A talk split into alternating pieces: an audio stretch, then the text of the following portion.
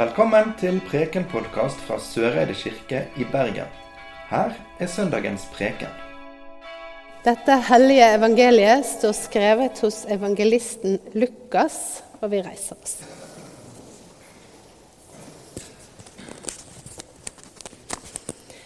Peter spurte, 'Herre, er det oss du sikter til med lignelsen om tjenerne, eller gjelder den for alle?' Herren svarte, 'Hvem er da den tro og kloke forvalteren som Herren vil sette over tjenestefolket sitt for å gi dem mat i rett tid?' Lykkelig er den tjeneren som Herren finner i arbeid med dette når han kommer tilbake. Sannelig, jeg sier dere, Herren skal sette ham over alt han eier. Men sett at den tjeneren sier til seg selv:" Det varer lenge før min herre kommer. Og så gir seg til å slå tjenesteguttene og tjenestejentene og spise og drikke til han blir full. Da skal tjenerens herre komme en dag han ikke venter, og en time han ikke kjenner, og hugge ham ned og la ham dele skjebne med de vantro. En tjener som kjenner sin herres vilje, og likevel ikke steller i stand eller gjør det Herren vil, han skal få mange slag. Men en som ikke kjenner den, og gjør det som fortjener slag, skal slippe med færre. Av den som har fått mye, skal det ventes mye. Og av den som er mye betrodd, skal det kreves desto mer. Slik lyder det hellige evangeliet.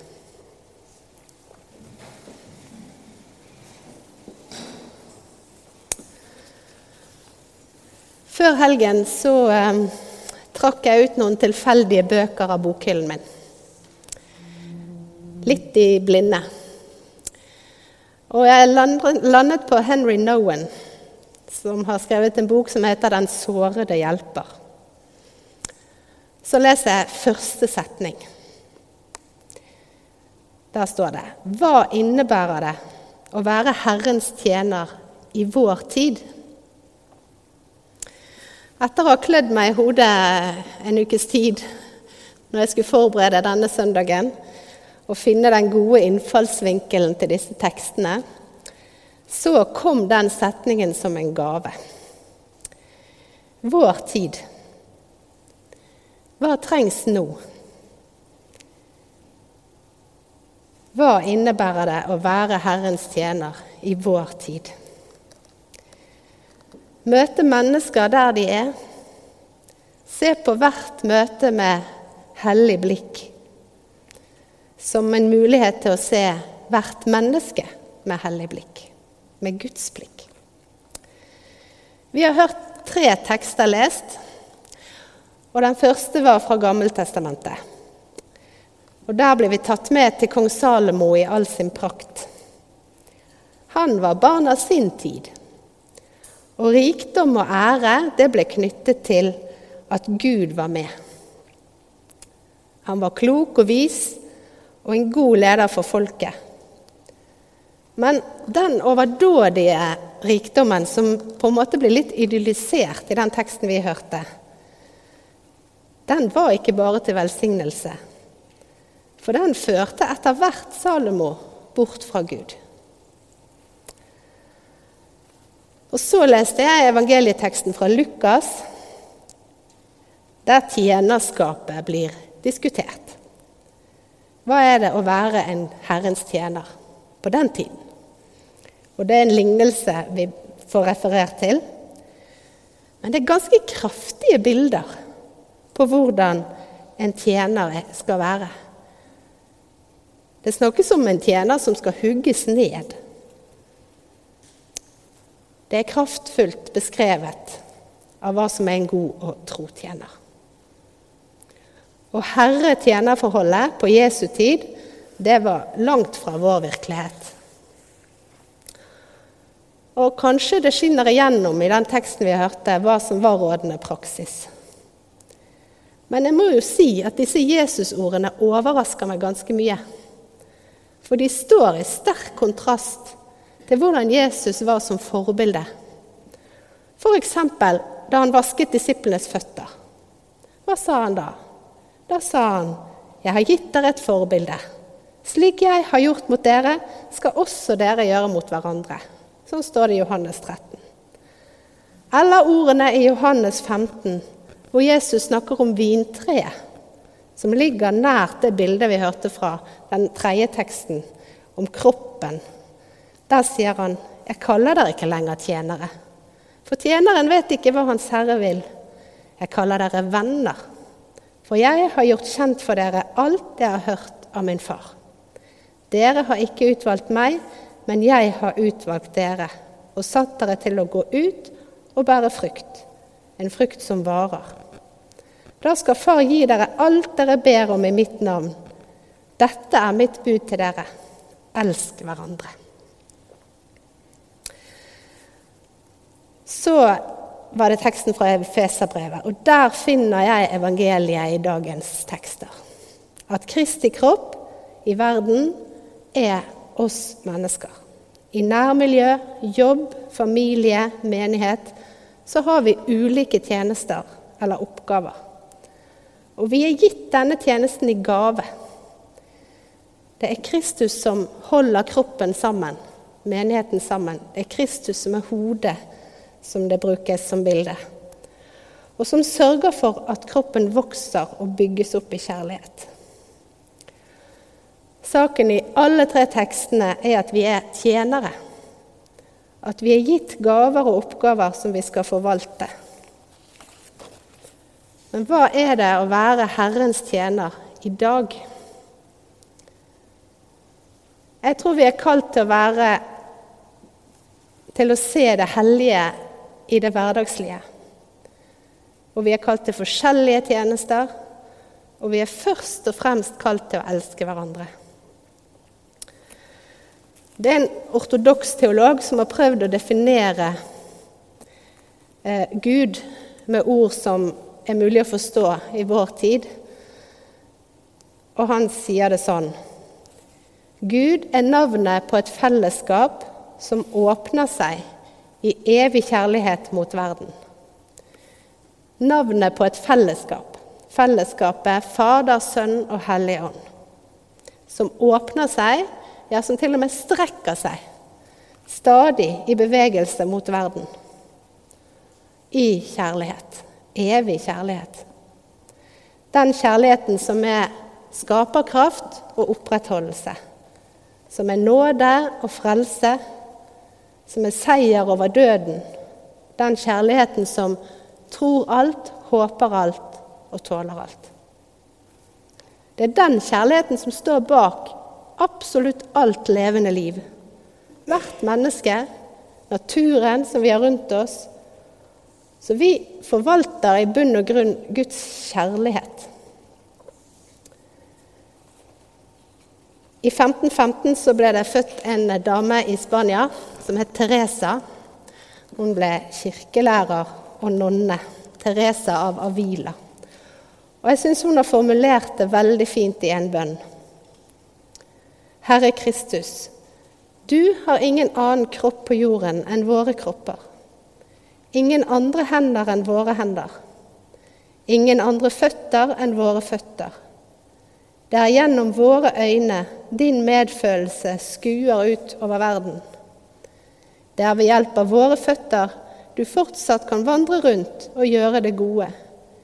Det er ved hjelp av våre hender du i dag velsigner mennesker. Velsign våre sjeler og våre kropper, slik at vi kan være til velsignelse for andre. Denne bønnen er en erkjennelse av at vi er Jesu hender og føtter i verden. Det vi er, og det vi gjør, er en tjeneste for Herren. I det små og i det store. Og så er det en bønn om velsignelse over våre liv og over vår tjeneste. Vi bærer hverandres liv i våre hender. Og Gud bærer våre liv i sine hender.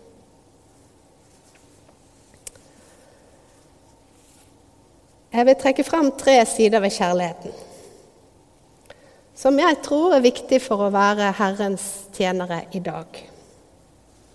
Kjærligheten som forstyrrelse.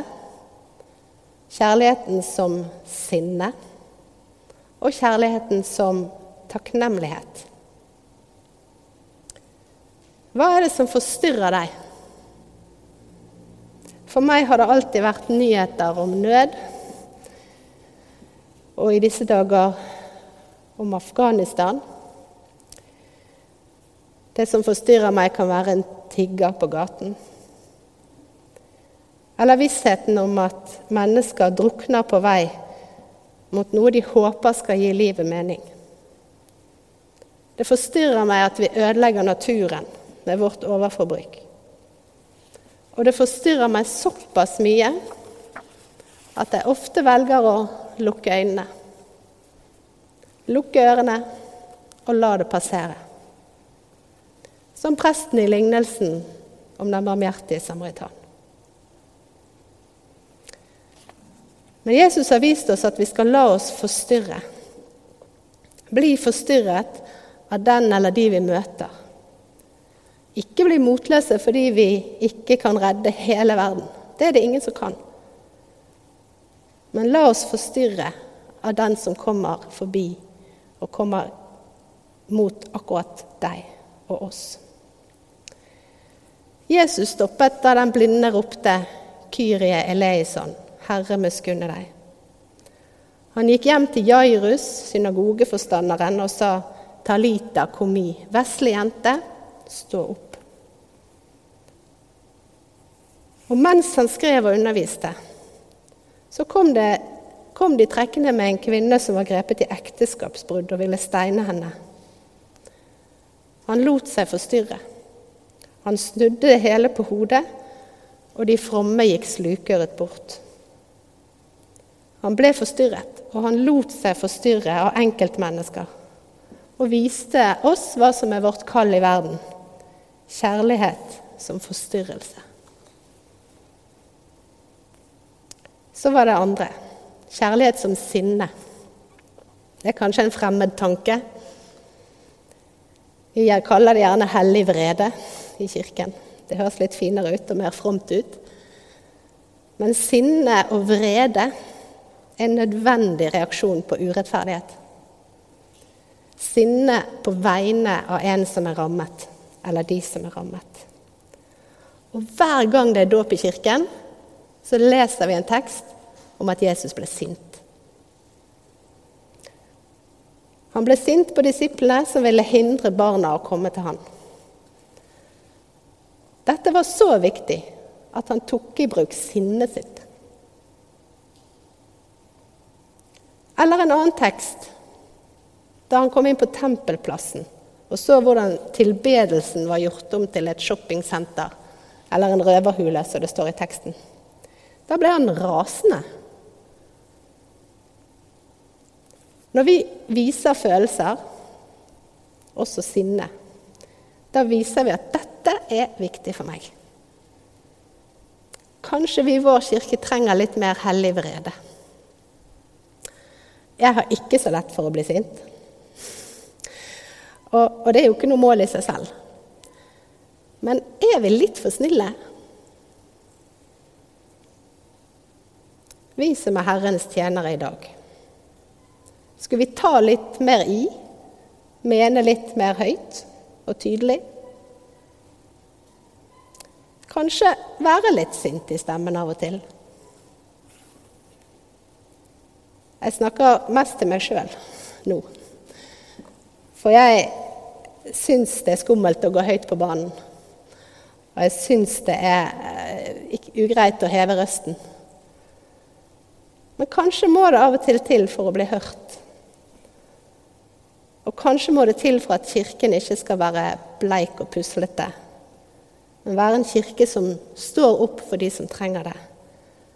Være et folk som tjener Herren med både sinne og glede. Dere kan jo tenke litt på det, om det gir mening. Så det siste kjærlighet som takknemlighet. Alt vi er, og alt vi har, det har vi fått. Hver dag så kan vi takke Gud for livet. Det er ingen av oss som har skapt oss selv. Kjærlighet som takknemlighet, det setter hele vår tjeneste i perspektiv. For det er den gudgitte kjærligheten som binder oss mennesker sammen. Som gjør at vi blir forstyrret av andres nød. Som gjør at vi blir fortvilet og sint på vegne av andre.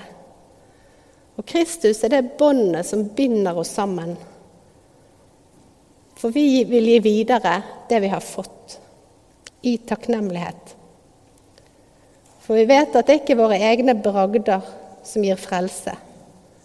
Frelsen har vi fått helt gratis i dåpen og troen. Den kan vi ta imot i takknemlighet og glede. Og vi tar imot og gir videre den kjærligheten som vi har fått. Vi bærer hverandres liv i våre hender, og Gud bærer våre liv i sine. Ære være Faderen og Sønnen og Den hellige ånd, som var og er og blir, en sann Gud fra evighet og til evighet. Amen. Du har nå hørt Preken-podkast fra Søreide kirke i Bergen. Følg oss gjerne på Facebook og Instagram, eller gå inn på vår nettside kirken.no. Takk for at du hørte på.